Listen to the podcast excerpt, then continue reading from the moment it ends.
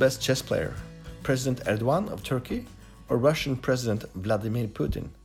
This is one of the questions I asked chess legend Garry Kasparov, political activist and author of How Life Imitates Chess and many other books. During our interview at the conference 600 Minutes Executive IT, we also talked about the future of robots, chess champion Magnus Carlsen's brain, and the TV series House of Cards. Enjoy the awesome interview recorded in Norway.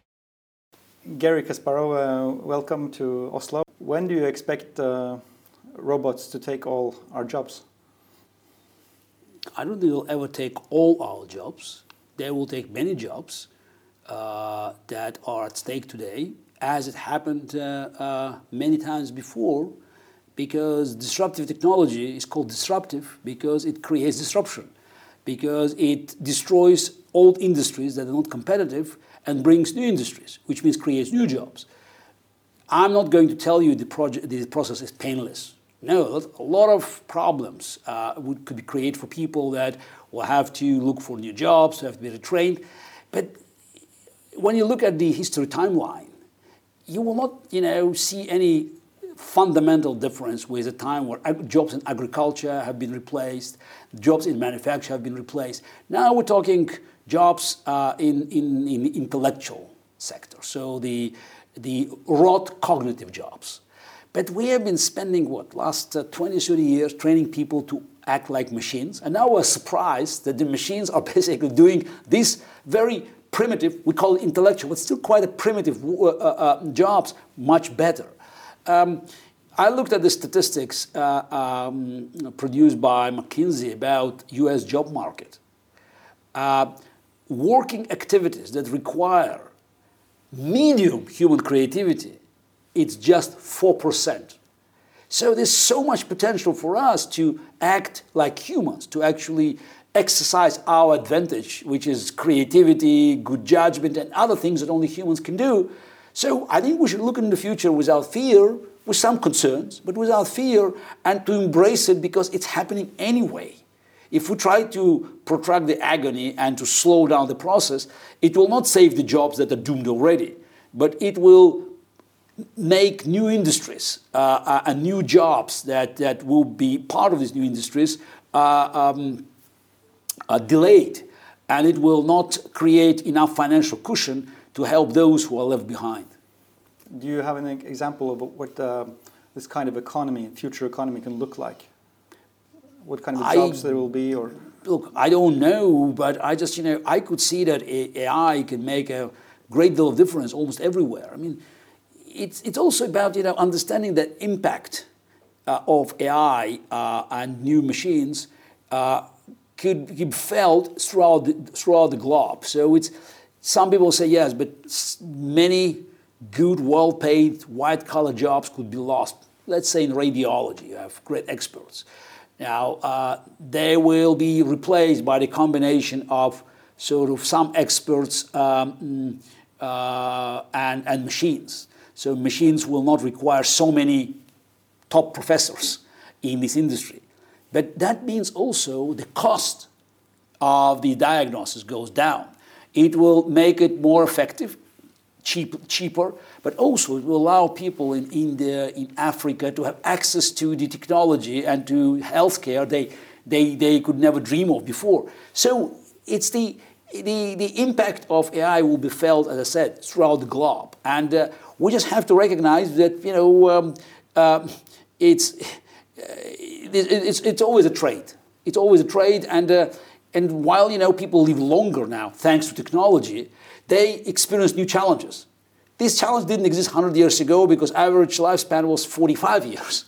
Now it's 75 or 80, and we say yes, yes, but we want you know we want to live these 80 years, you know, uh, uh, or even more, without experiencing new problems. But these problems are a result of technology that led us to live that long we could imagine that uh, soon we can build a, a, robot, a humanoid robot that looks like Magnus Carlsen, and it could play chess better than Magnus Carlsen with all his foibles and uh, quirks.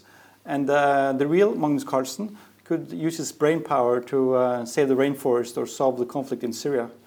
How cool would that be? look, it's the, you don't need a robot to play better Magnus Carlsen. You know, your uh, uh, uh, free app on mobile phone plays better Magnus Carlsen today. So just an, any chess player. Uh, computers are better than humans uh, in, in all sorts of games. I would qualify it as closed systems. The moment you create closed system with fixed rules, whether it's chess, Go, Dota, the video game, uh, or even Texas Hold'em poker, machines will prevail. So that's why you don't need, you know, flashy machine that will, you know, make noises as humans. It's about an algorithm. Actually, I'm not seeing, still not seeing the machine that will be able to make the moves with the same efficiency because machines could play chess better than any, any human, but moving the piece, actually grabbing the piece and making it, it's, it's still, you know, probably at the level of, you know, two-year-old baby. So it's the, uh, at best, by the way.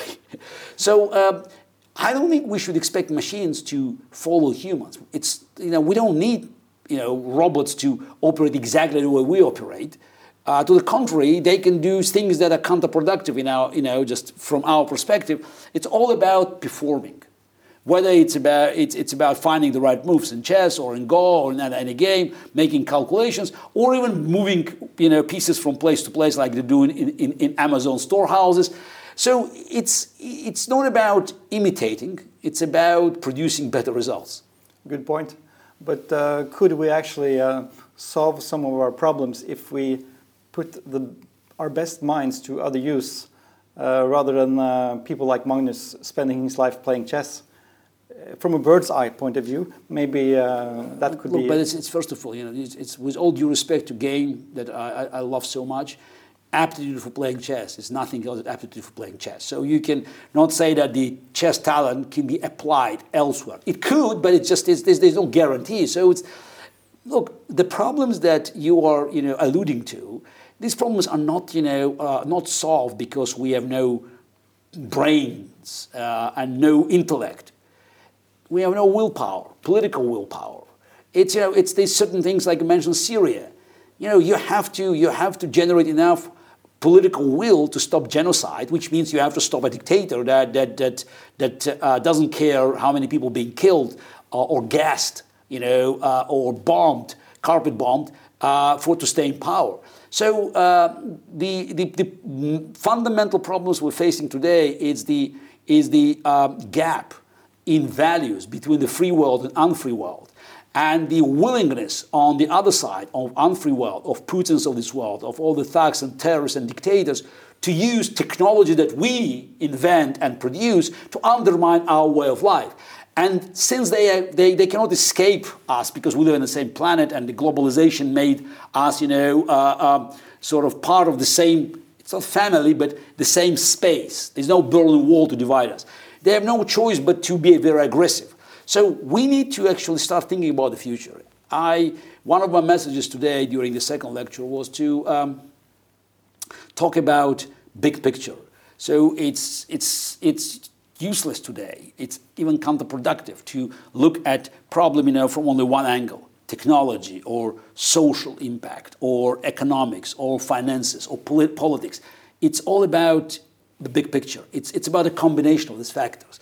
And the public should recognize that we have to start dreaming about future. It's about visualizing it. It's about having new goals. Right now, I think the overall feeling is that future is dangerous. We have a dystopian vision of the future. It dominates. That's why so many doomsayers, they are telling us about the end of the world because of computers coming and they will replace us. Uh, it's, it's, it's, it synchronizes with public expectations that disruptive future could jeopardize our way of life. It will jeopardize our way of life, but that's why free will was so successful. Yes, it, it's jeopardizing means there will be problems, but also opportunities. You have made a point that uh, Russia skipped invading Poland, but uh, took Wisconsin instead. Okay, state of uh, Wisconsin. That's, uh, that's partly due to um, do Russians. Um, clever use of um, Western invented social media. Yes. Um, is there um, could there be a technology used to counter that, th that those kind of wars or attacks? Look, it's every technology uh, goes through the stage of competition between sword and shield. Now, in cyber wars,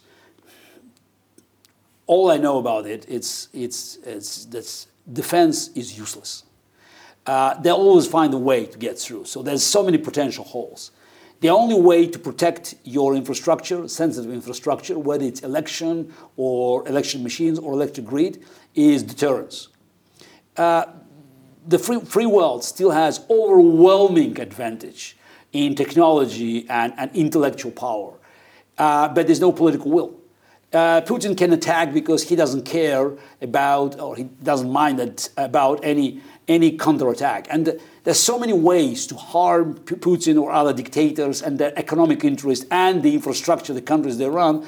So they will not they will not bother to, to continue their destructive policies.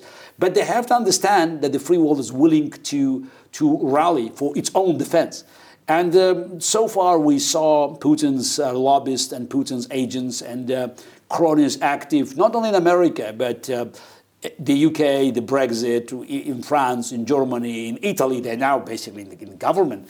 Um, and I believe in this country as well, you can always see the, the traces of these activities. Obviously, they concentrate on big countries, but still, you know, they, they, don't, uh, they don't mind attacking any, any weak spots they can find it's about again it's about the vision of the future. It's about uh, having you know it's like cyber nato i mean just you know recognizing that there are other threats. Uh, it's not about conventional armies that are threatening the free world but it's the it's a it's a cyber war it's fake news it's troll factories something that undermines our institutions something that helps uh, putin uh, putins of this world to weaken our resolve to defend our democracy. You had an ambition once to hold high office in uh, Russia.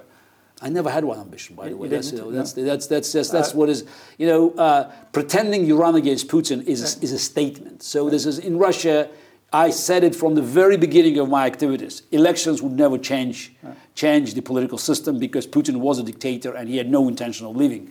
It was an attempt to, to demonstrate that, you know, uh, these institutions, they, they uh, exist on paper, but they never function the way they had to function.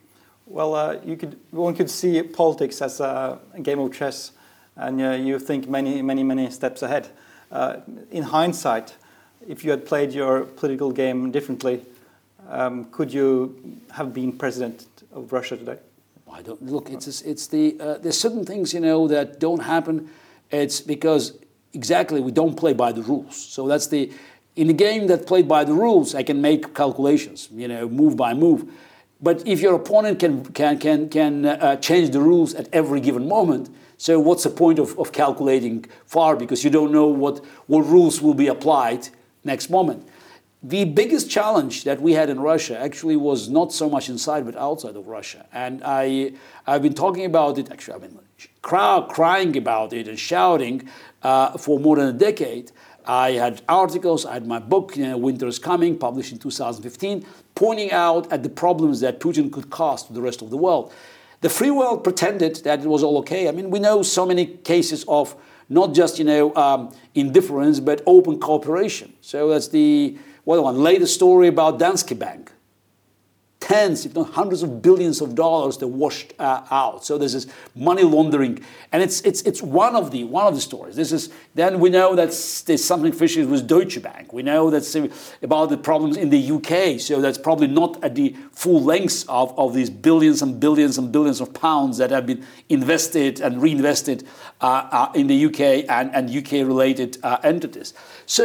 Um, it's, you know, it's, it's, it's, it was a problem because the free world didn't want to see that this expansion could threaten the very foundation of, of, of our democracy because it could poison the financial system and also it could corrupt people that were you know, involved in very important decision making. So um, I wish you know, that the free world could learn lessons that we learned, we had to learn 80 years ago and to stop the rise of another dictator who could be, uh, who could be so dangerous for the future of the free world.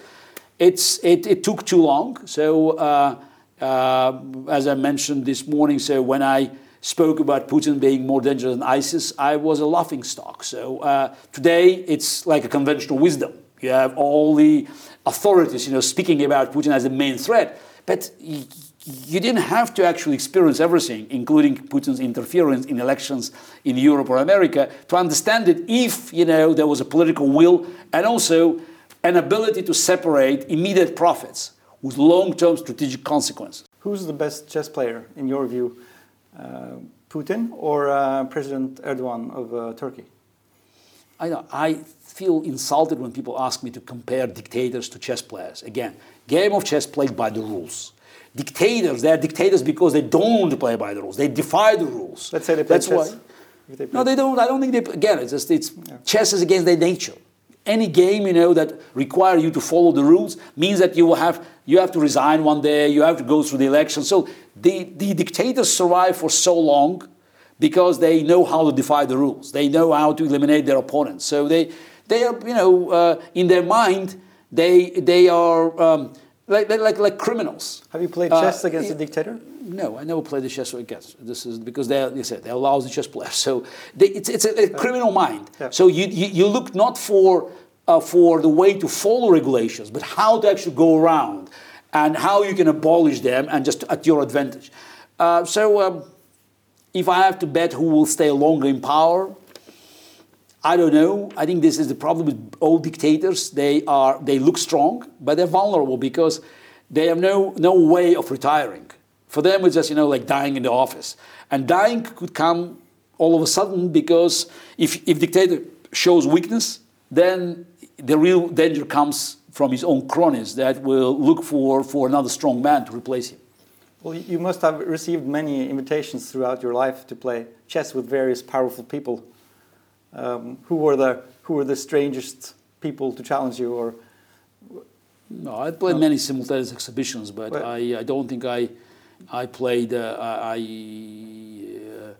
uh, uh, spent any time uh, playing with, with individuals. Look, it's a it's a show, and I'm I'm uh, I'm not interested if, if of, of, of sharing my uh, my reputation with people with um, that have uh, so. Uh, uh, very little connection to the game of chess. Again, I said that many people, there's the, the, the, the many chess fans who, uh, who are very rich and powerful, and uh, they just they love the chess players, but they love the game. But it's um, again, it's um, I had quite a few occasions where I faced them just you know as as a, as a private matter.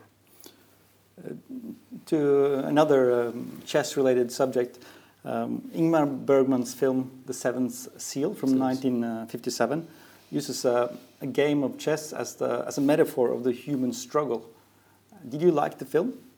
Look, it's this, it's this. Actually, I talked today that is just you know, it's the chess has been used as metaphor of, of, of intellect, as a metaphor of uh, of of our life, uh, probably too often.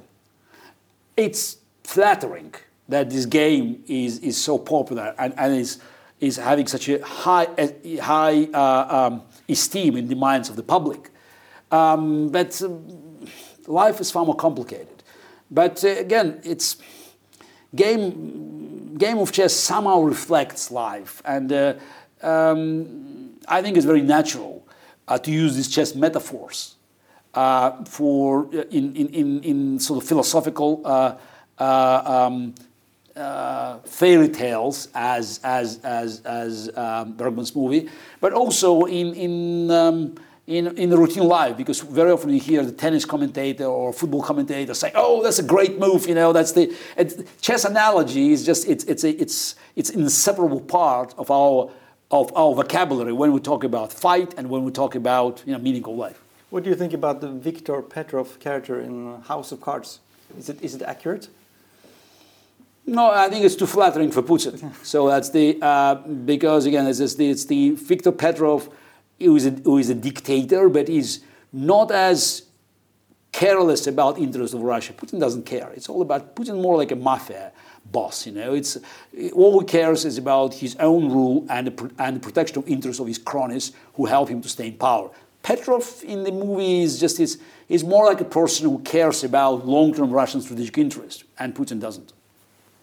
I have some very good um, Russian friends, and I have been sailing on a, a replica ship of a, of a Shtandart. It's a, it's a replica of Peter the Great's flagship, and I've been sailing around uh, with these great people. Uh, and um, so there, there, there's a lot of good things going on uh, for Russia that is not known in the, in the news. Um, what do you see of, of, positive signs? I don't see any positive sign because I think it's just you're making another mistake. I'm sure there are many good things happening in Nazi Germany in the cities. They build roads. Uh, they and a lot of people, you know, getting back to their jobs. So it's the you cannot, you know, you cannot separate some good things that are happening in any country uh, with the overall darkness that is covering the country. You are you are spending a lot of time uh, with uh, political activism uh, and uh, going around the world, holding um, um, presentations, talking to people. If you if you you have a goal, something you want to achieve with your um, with your activity, with your travels, what, what's that goal? Look, 90% of my activities, uh, speaking activities, are connected to AI, technology, so IT sector, cybersecurity. So there's much smaller portion that's connected to political activism. And even those portions, I would say maybe 20%, is mostly it's human rights activism. I'm a chairman of Human Rights Foundation. I was very honored to, uh, when I was offered to lead the organization after my, one of my heroes, Václav Havel, passed away. Uh, so we, uh, by the way, our trademark event is Oslo Freedom Forum. We just had a 10th event uh, this year, 10th anniversary event.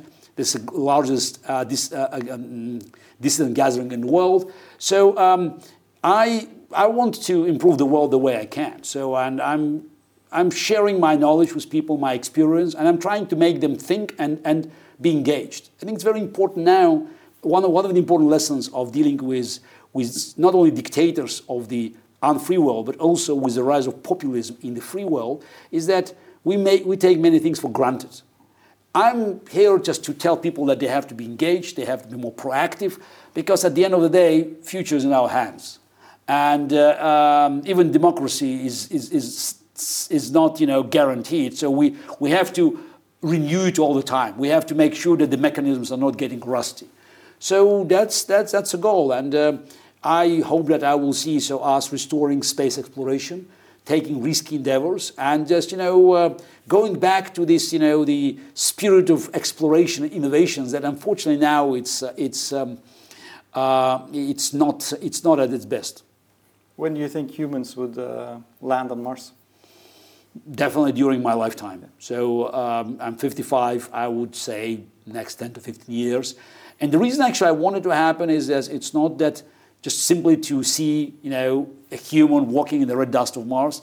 But to, to make it happen, we'll have to go through so many challenges, which means we'll start creating new technologies, you know, a new form of food, you know, how to produce oxygen. So there's things to make sure the humans can survive this, this, uh, uh, this very uh, challenging trip there. So, um, uh, and uh, as we know from history, the big challenge is always um, uh, enforced um, innovations. So that's why I, I, I believe, just simply looking at, at, at, history and reading history books, is that in the process of getting to Mars, we'll start discovering some great things. Maybe we'll on one of the asteroids, we're just on the way there. Maybe we'll discover, you know, some form of, of, of uh, metal or energy that would help us to solve problems here. It's, it's all about the quest. And, uh, and sometimes, actually, in many cases, the unintended consequences could be far more important than the, than, than the goal of simply getting there. Thank you very much for joining us uh, in Oslo, Garry Kasparov.